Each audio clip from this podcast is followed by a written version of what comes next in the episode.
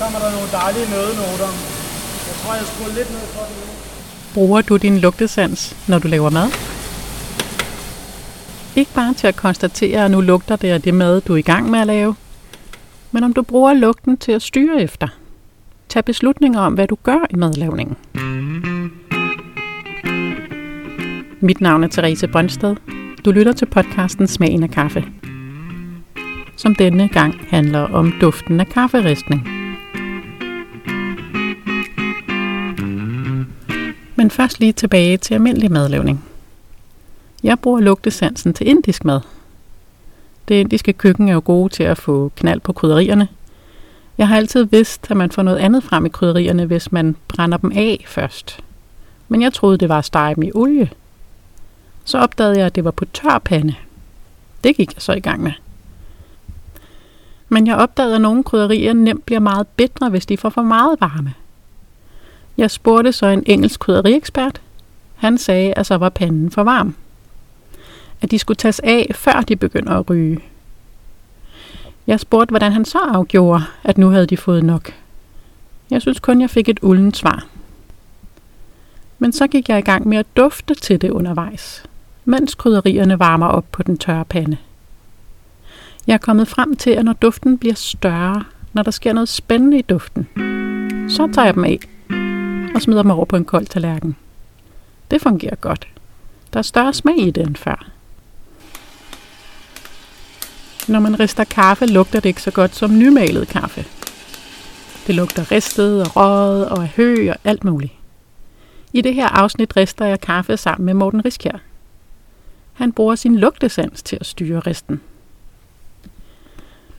Som jeg fortalte om i afsnit 4, er kafferistning en meget livlig proces. Der dannes og nedbrydes smagstoffer i et væk. Derfor betyder det meget for smagen præcis, hvornår man stopper ristningen.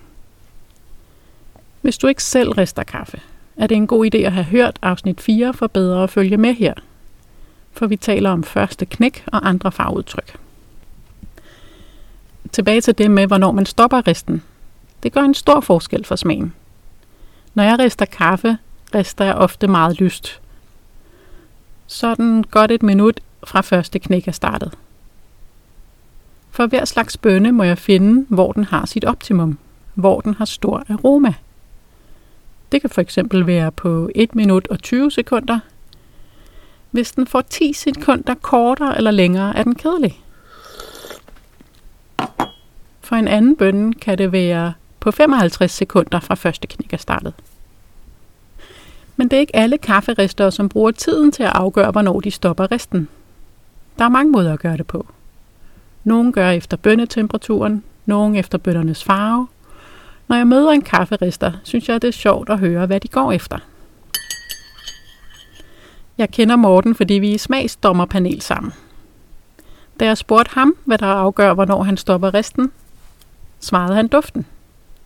Og at lugten af løg skal være overstået, for ellers smager kaffen ikke godt. Og det lød spændende. Jeg synes, det er så sejt at kunne bruge sin smags- og duftesans til at navigere med. Jeg har nu aldrig bemærket en duft af løg, når jeg rister kaffe. Men der sker så meget i duften. Så måske er det bare et spørgsmål om at få peget det ud. Så jeg spurgte Morten, om ikke jeg måtte komme med og riste sammen med ham en dag. Det gjorde vi så her for en måneds tid siden. Morten er ansat som kafferister hos Amokka, så han rister kaffe mange gange hver uge. Han har arbejdet som kafferister i syv år, så han har virkelig meget praktisk erfaring.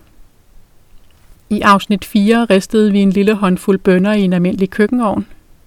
Her rister vi på en professionel 12 kilos rister, og som har en trumle, hvor bønderne drejes rundt. Den måde Morten lugter til bønderne på, er ved at tage dem ud med en tryer – en triad er en prøveske, som kan gå ind i risteren og tage en lille håndfuld ud af bønderne. Det lyder sådan her, når han tager skeen ind og ud. Her er, hvad han fandt i duften, mens han ristede en Columbia-bønne. Jeg synes, det er enormt spændende. Hvad finder du i duften? Og så se, om jeg kan finde det samme. For det der grøntsager og løg, du snakkede om, det, det har jeg aldrig prøvet at bemærke før eller fundet. Altså lige nu sker der jo ikke så meget, så synes Nej. jeg ikke, der er så meget. Men, øh, Vi er i gang med at riste en kolumbiansk, som øh, Morten lige har fået. Den hedder Soul Mountain. prøv, det, det, det er jo sjovt at bemærke, nu er den næsten lugtfri. Altså, Jeg synes, der er der, ristenoter i den, sådan lidt ristet brød. ja, der er lidt, men det, jeg synes bare generelt, at der er mindre, der er mindre aroma, end der var tidligere. Okay. Altså, den har sådan nogle, Ja, ja. ikke? Øh, Jamen her nu alt det der hø, det er forsvundet fra den.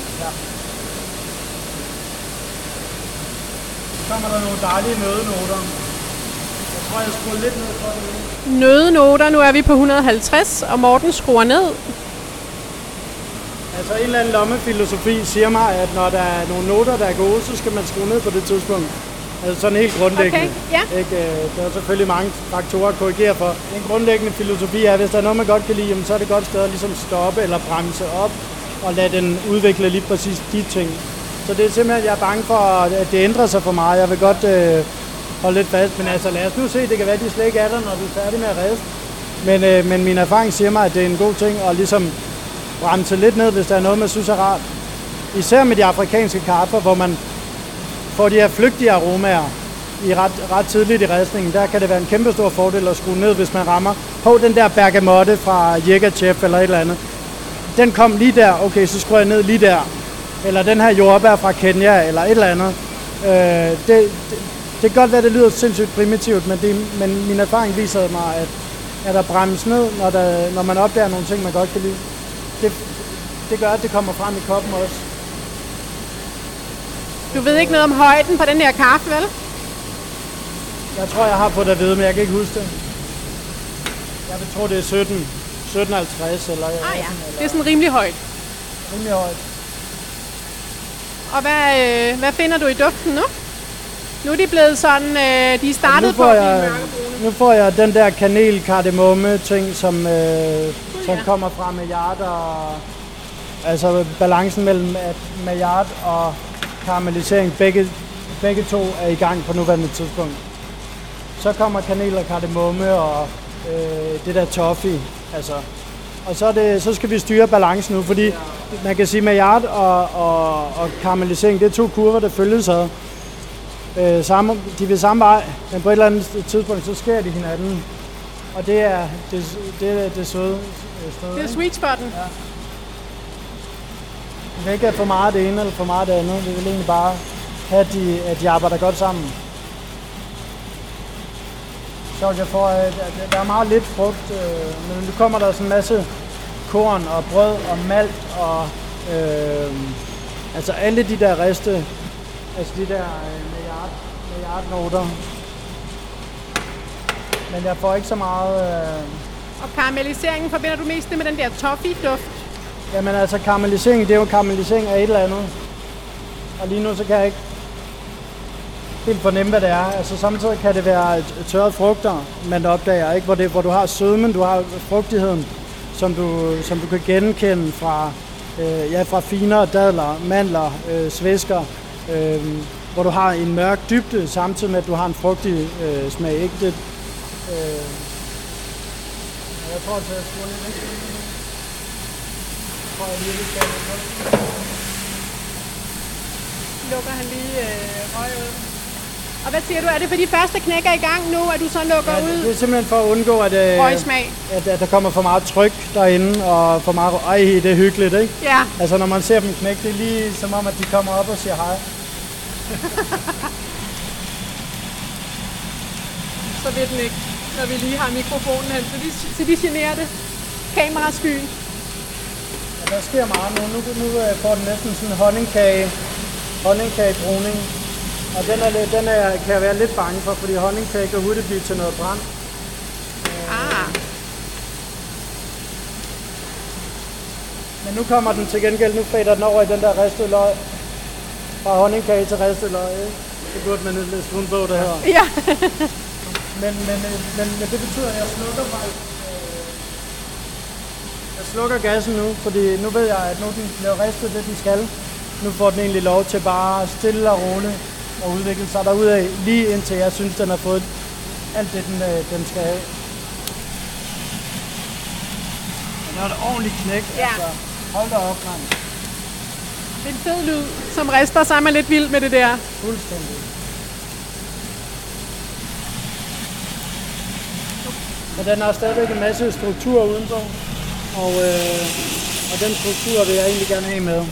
Fordi selvom øh, det er en fin kaffe, og jeg vil lave en lys, en lys ristning, vil jeg stadigvæk gerne op på, at det skal være en mellemristet, at det, det, altså det skal være på den lyse side af det mellemristet, fordi netop den kolumbianske kaffe bør kunne bringe noget chokolade og nøde flavor øh, frem til mig. Altså, Hvad får du frem? Om den, jeg synes, den er ikke... Der er noget, du gerne vil af med i duften der, Ja, ikke? der er, der er lidt det der, det, det der, den der løg, og den skal, Ja. den skal lige forbi, og det er, det er simpelthen en, en afgasning. Den skal, øh,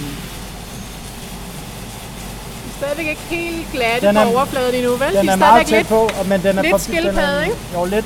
Men den er forbi, øh, forbi ristet løg, og, øh, og den er nået frem til noget meget, meget, meget behageligt. Jeg tror, det vi, det, vi, det vi får i den her kaffe, det er en meget klar kop, en meget ren smag.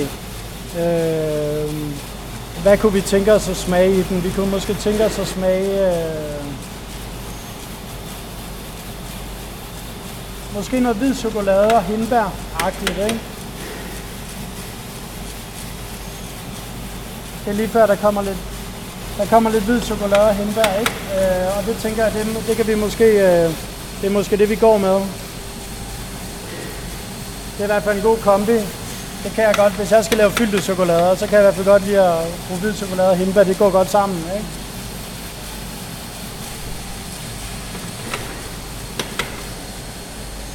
Tiden siger nu 17 minutter, og temperaturen siger 181. Og vi havde første knæk omkring de 170. Det har lige lidt is i maven, fordi der er stadigvæk noget udvikling i gang her, selvom tiden er... Så det vil du gerne have med. Ja, ja, altså nu er det første gang, jeg rister den her. Det er simpelthen ud nu, den er helt perfekt. Lige nu så, lige nu så øh, får vi lidt øh, Toblerone. Øh, den hvide chokolade forsvandt lidt, men, øh, men til gengæld kom den frem til den, øh, den, øh, den chokoladeflavor, som jeg havde forventet. Øh, så, så det er den, vi går med nu. Øh, lidt svært at sige, hvad der, hvad der kommer i kølvandet på den af frugtige, øh, frugtige noter, men nu må vi se. Det er jo heller ikke alt, man lige kan opdage med en ristning, men altså, altså ved at dufte til den her. Øh, ja, lad os se på det.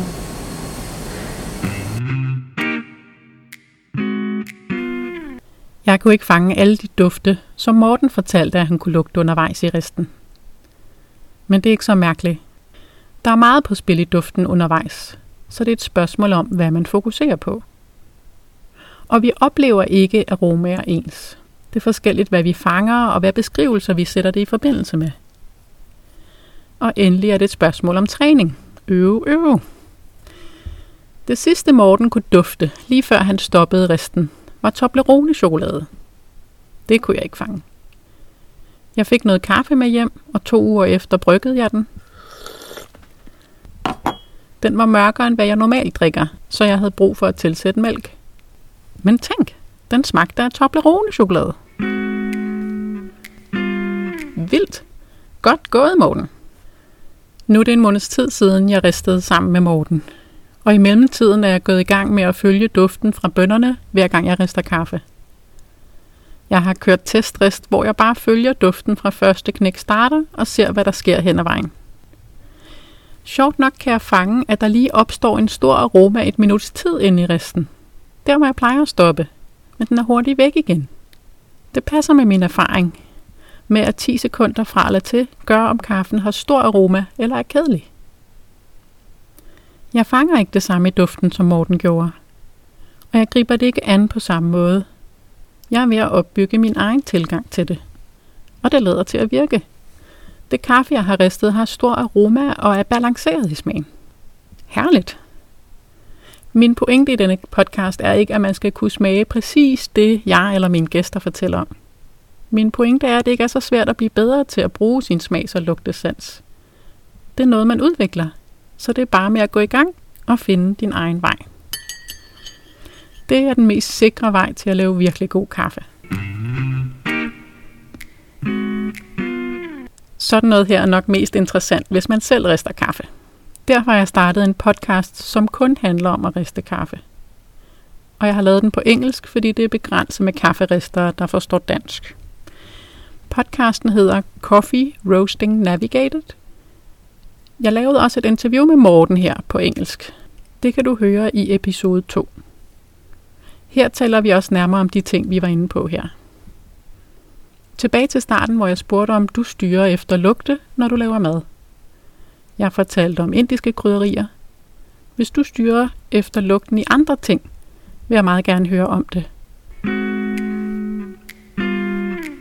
Skriv det gerne inde på Facebook-gruppen podcast Smagen af kaffe. Det var det for denne gang. Mit navn er Therese Brøndsted. Nogle drikker kaffe for at klare sig gennem dagen, andre klasser gennem dagen for at drikke god kaffe.